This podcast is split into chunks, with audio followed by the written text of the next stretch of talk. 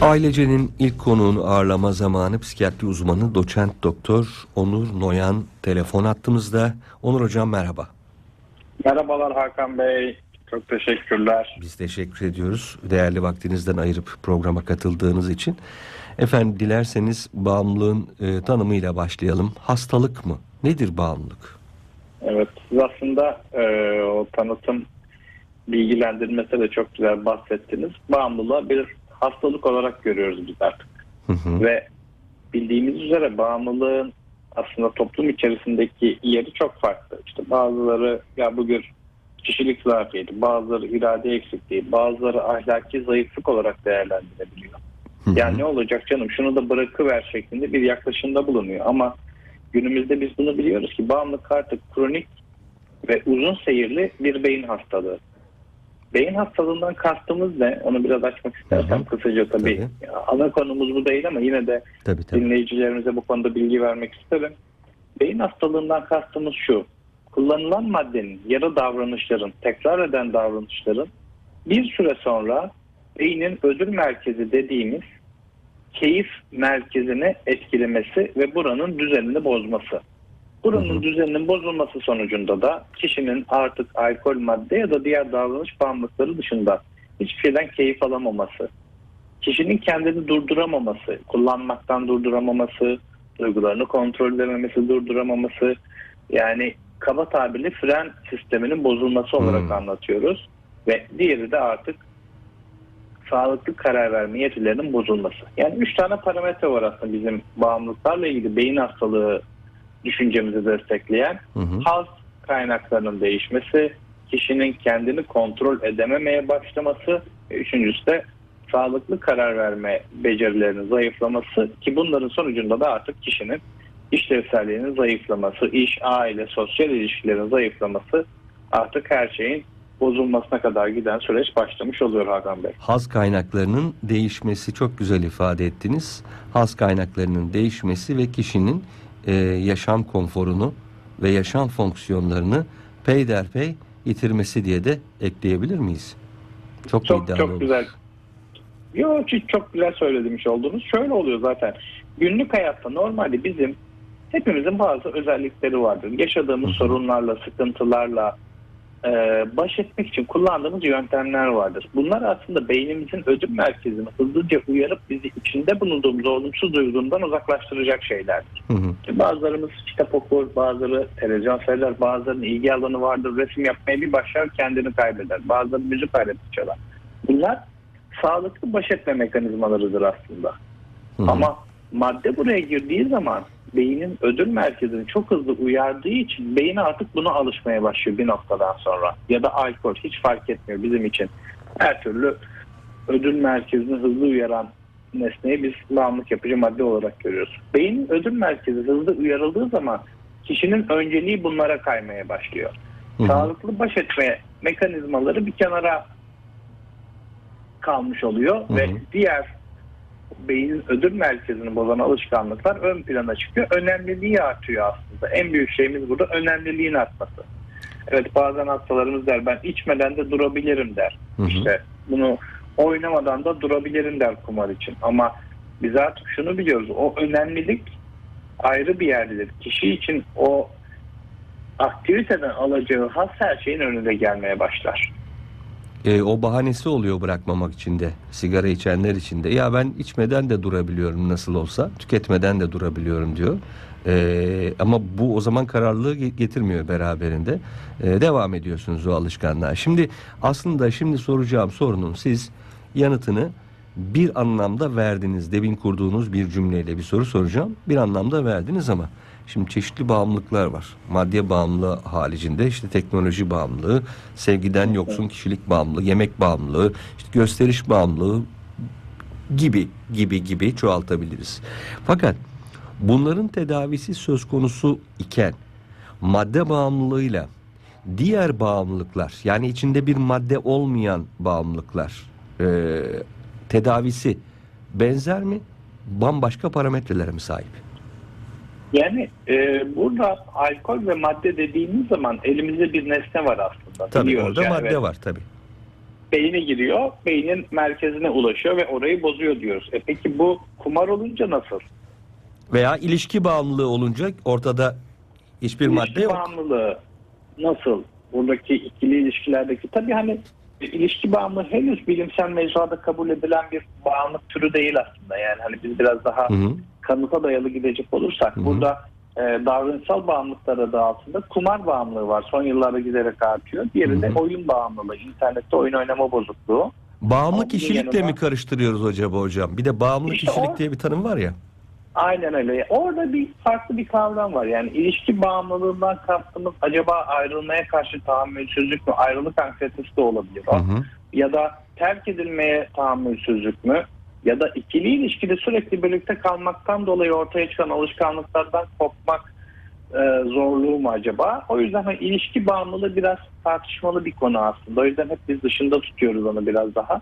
Ama bir tabii orası en çok ilgi gören kısmı Tabii. ilişki bağımlılığı da yani hani duygusal olarak Hı hı. çünkü ihtiyaçlarımızı karşılama tarafına bakacak olursak ilişki bağımlılığı gerçekten önemli. Ama diğer davranışsal bağımlılıklar kumar, internet ya da diğer yönde çok farklı değil. Ne yapıyoruz biz normal bağımlılıklarda? Diyoruz ki kullandığınız maddeden bir süre sizi uzak tutacağız, hastaneye yatırıyoruz. Ya da ayaktan başlıyoruz tedaviye. Kumar ve internette de aynısı var aslında. Diyoruz ki siz e, bir süre kumar oynamamanız gerekiyor. Bir süre internetten uzak durmanız gerekiyor. Neden? Çünkü beynin bunlar olmadan da normal aktivitelerden keyif alıp almadığını görmesi, deneyimlemesi ve bunu test etmesi gerekiyor ve bunu öğrenmesi gerekiyor. Öğrenme için de beynin biyolojik olarak öğrenmesi için de biraz zaman geçmesi gerekiyor ve bu yüzden bunlardan uzak durmak gerekiyor. Yani aynı alkol madde gibi davranışsal bağımlılıkların tedavi yöntemi de öncelikli olarak uzaklaştırma. Sonrasında kişi bunları neden kullanıyor? Neden oynuyor kumarı? Neden internette oyun oynuyor? Neden? Çünkü diyor ki ben çok mutsuzum. Neden? Diyor ki ben e, hep başarı istiyorum. Başarıya açlığım var. Diyor ki ben kendimi oyunda iyi ifade ediyorum. Oradaki arkadaşlar beni tanıyor. Başka kimse beni anlamıyor diyor. Hı hı. Burada oyun ya da davranışların altında yatan psikolojik eksiklikleri, olumsuzlukları ya da psikolojik özellikleri biz tanımlayarak buraya özgü bir psikoterapi süreci başlatıyoruz. Psikoterapiyle birlikte eşlik eden diğer psikiyatrik hastalıklar, depresyon, kaygı ya da diğer duygu durum bozukluğu gibi hastalıklara özgü de ilaç tedavileri veriyoruz ki en azından tekrar oynamanın önüne geçmek için biz bütün kapıları kapatalım. Aynı alkol madde bağımlılığında olduğu gibi sorduğunuz soruya tek cümle olarak cevap verecek olursam evet davranışsal bağımlılıkların tedavisi de aynen alkol madde bağımlılıklarında olduğu gibi benzer yolla devam etmektedir. Dünyadaki bütün bağımlıları 100 kişi olarak kabul etsek eee, sizce ya da böyle bir çalışma varsa sizce bu 100 kişinin kaçı bağımlı olduğunun farkında? Evet. Çok zor Ve zor bir soru olduğunu cevaplaması farkındayım. Çok zor bir soru gerçekten. Sizin Şimdi profesyonel görüşünüzü merak ediyorum. Bu konuda bir çalışma Evet, yapılmamış olabilir elbette. yani şöyle şimdi burada farkındalığın da tek bir aşaması yok aslında. Hı hı. Mesela biz karşımıza gelen hastayı değerlendirirken beş farklı aşamada değerlendiririz. Birincisi farkındalık öncesi. Kişi yaşanan sorunları çok önemsemez. İkincisi farkındalık aşamasıdır. Ya der ki ya ben bir sorun yaşıyorum galiba. Bu bana zarar veriyor. Ama seviyorum da. Uzak dursam mı durmasam mı? Hı hı. der. Üçüncü aşama artık yani aktive olma aşamasıdır. Hareket aşamasıdır. Ya ben bir bağımlılık var bende. Ben bununla ilgili adım atmak istiyorum der. Bu beş aşamanın ilk ikisi yüzde 60-70 oranında karşımıza çıkan tablo. Yani farkındalık öncesi bende hiçbir şey yok deyip doktora gelenler, tedaviye gelenler. Ya bende bir şey olabilir, bir şeyler var ama hani bıraksam da olur, bırakmasam da diyenler tedaviye başvuranların yüzde 60-70'ini oluşturuyor Hı hı, diyebiliriz. Ama bu önemli mi derseniz sigara bağımlılarının hepsi sigara bağımlısı olduğunu kabul ediyor aslında. Evet. Etmeyen var mı? Ben sigara bağımlısı Ya- değilim diyen yok. Yani ben çok içtiği halde istediğim anda bırakabilirim. O yüzden şimdi canım çektiği kadar içiyorum e, diyenleri duydum. Bunu bağımlı kabul etmiyorsak evet dediğiniz gibi. Ama burada şu var. Yani hani o bağımlı olduğunu kabul ediyor aslında. Ben sadece istediğim zaman bırakırım diyor. Bu da farklı Doğru. bir aşaması. Doğru. Bu da farkındalık aşamasından sonra biz orada biraz daha tabii orada teknik terimlere giriyoruz. Ambivalans dediğimiz Ambivalans. ikircikli bir durum var. Ambivalan bir durum. Yani ben evet bunu bırakmak istiyorum. Bıraksam olur. istersen bırakırım ama niye bırakayım bırakmayayım gibi bir karar dengesi var orada. Evet. Bu da diğer o yüzde altmışlıktan sonra gelen kısım aslında ama çoğunluğu ya evet bende çok ciddi bir Farkındayım diyor. farkındalık yok diyor. Çoğunluğu farkındalık yok diyor. Ama Yok. sigara bunun dışında tabii ki. Evet. Ee, sigarada birazcık daha farklı bir süreç var. Oradaki fiziksel yoksunluk belirtilerine katlanmayı göze almak gibi bir durum söz konusu. Ama farkındalık çok düşük diyebiliriz bağımlı süreci. Evet, e, sorumla sizi zorladığımın farkındayım ama e, onu bilinçli olarak yaptım. Çünkü çok doyurucu e, ve her iki ucu da e, göze, göze, e, göz ardı etmeyen yanıtlar verdiğiniz için özellikle bu soruyu sordum. E, Teşekkür ediyorum. e, estağfurullah. Değerli hocam, depremin etkilerinin devam ettiği bir süreçteyiz. E, bu süreçte e, depremzede olabilir, olmayabilir. Yani ikincil travmatizasyon yaşıyor olabilir. E, depremin etkilerinden bir şekilde etkilenen bağımlı bir birey ne gibi duygular yaşıyor olabilir?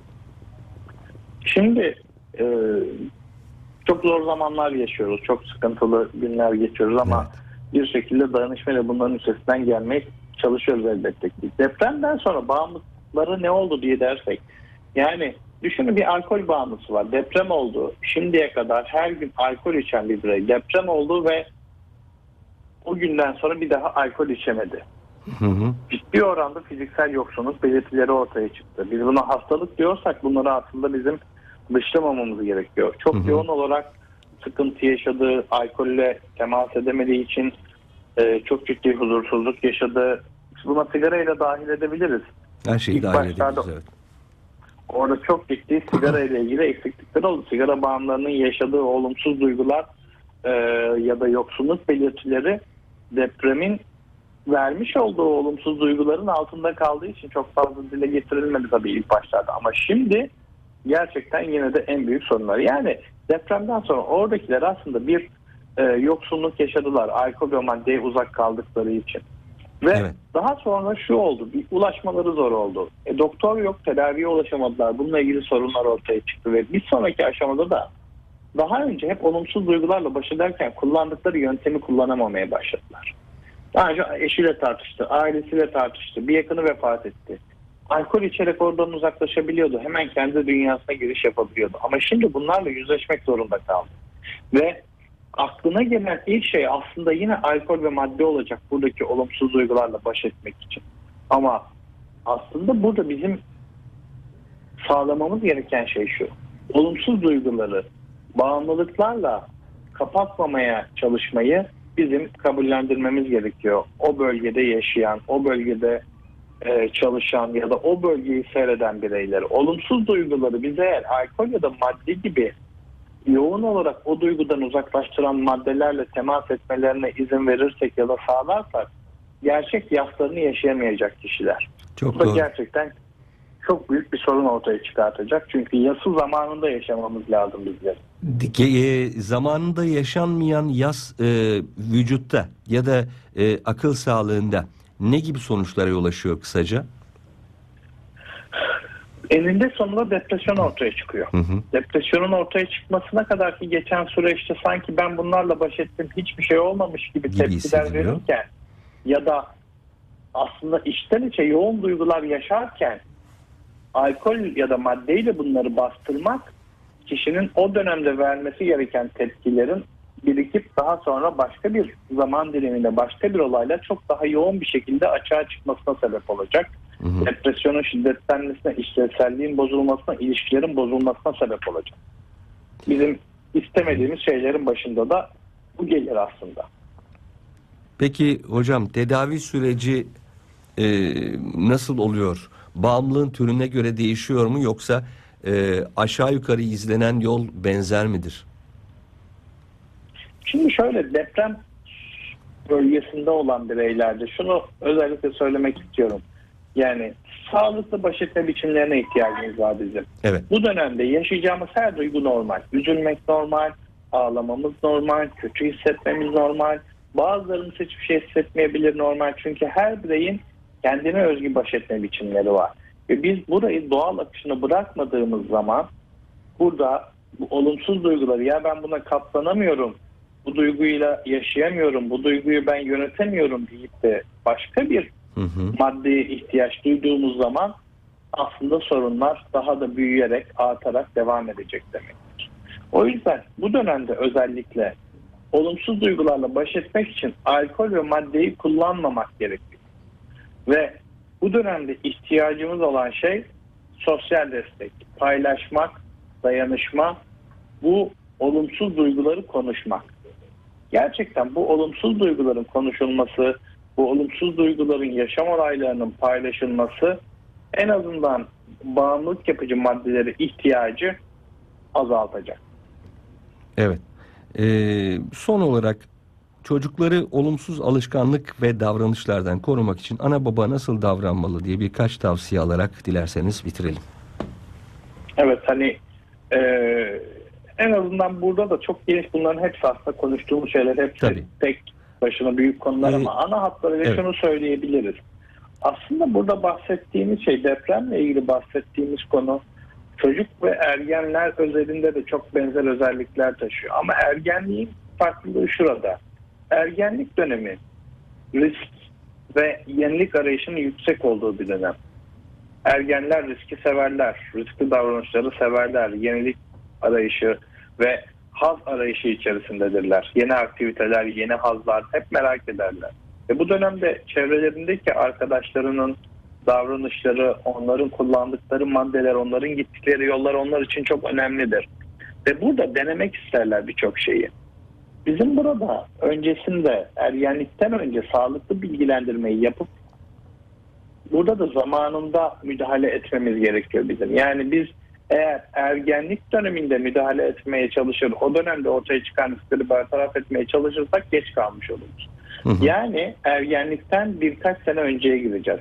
Ebeveynlerin çocuklarıyla sağlıklı iletişim kurmak, alkol, madde ya da diğer bağımlılık yapıcı e, davranışların konuşulabilir olması lazım aile içerisinde.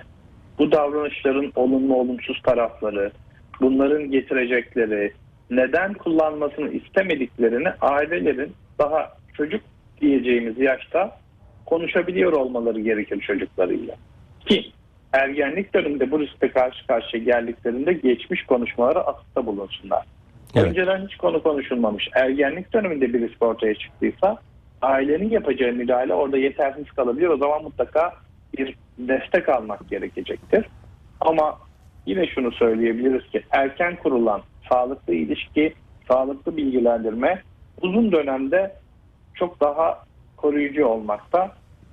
Bu süreçte ergenlerin davranışlarını takip etmek, ergenlerin arkadaşlarıyla olan ilişkilerini takip etmek, oradaki ani iniş çıkışları dikkat etmek, davranış değişikliklerine davranış bozukluklarına dikkat etmek gerçekten çok önemli. Ergenlerin kendilerini ifade etmelerine imkan vermek, Peki. kendilerini ifade edecekleri ilgi alanları edinmelerini sağlamak koruyucudur Hakan Bey. Gerçekten teşekkür- e, çok özet teşekkür- olarak böyle. Çok teşekkür ediyoruz değerli hocam. Ee, bir başka programda görüşmek dileğiyle sizi uğurluyoruz. Görüşmek üzere iyi yayınlar diliyorum. Teşekkürler efendim.